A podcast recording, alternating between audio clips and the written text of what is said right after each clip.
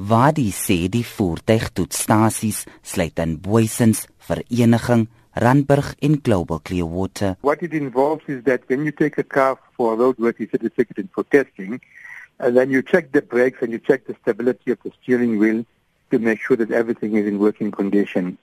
And when we conducted in uh, inspections at these various vehicle testing stations, and these are both in the public and private sector, we found that a number of them were not compliant and some of them didn't even have the equipment necessary to test the braking system and, and the steering wheel system. Hy sê die toetsstasie sal nie voertuie vir padvaardigheid kan toets nie. So we've made an appeal to them for a good number of months saying that look, get the equipment in place, etc. But some of them have just ignored our request, and as a result, I've taken the decision to suspend the operations altogether. So if you drive in with your car and you want to have your car roadworthy checked, they won't be able to do that and they won't be able to issue you with a roadworthy certificate.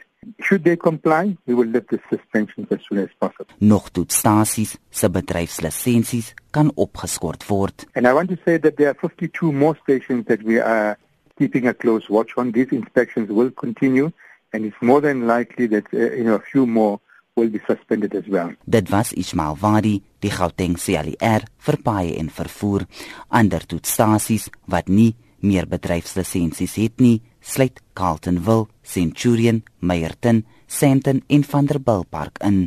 Jean Estreisen, SAICanis.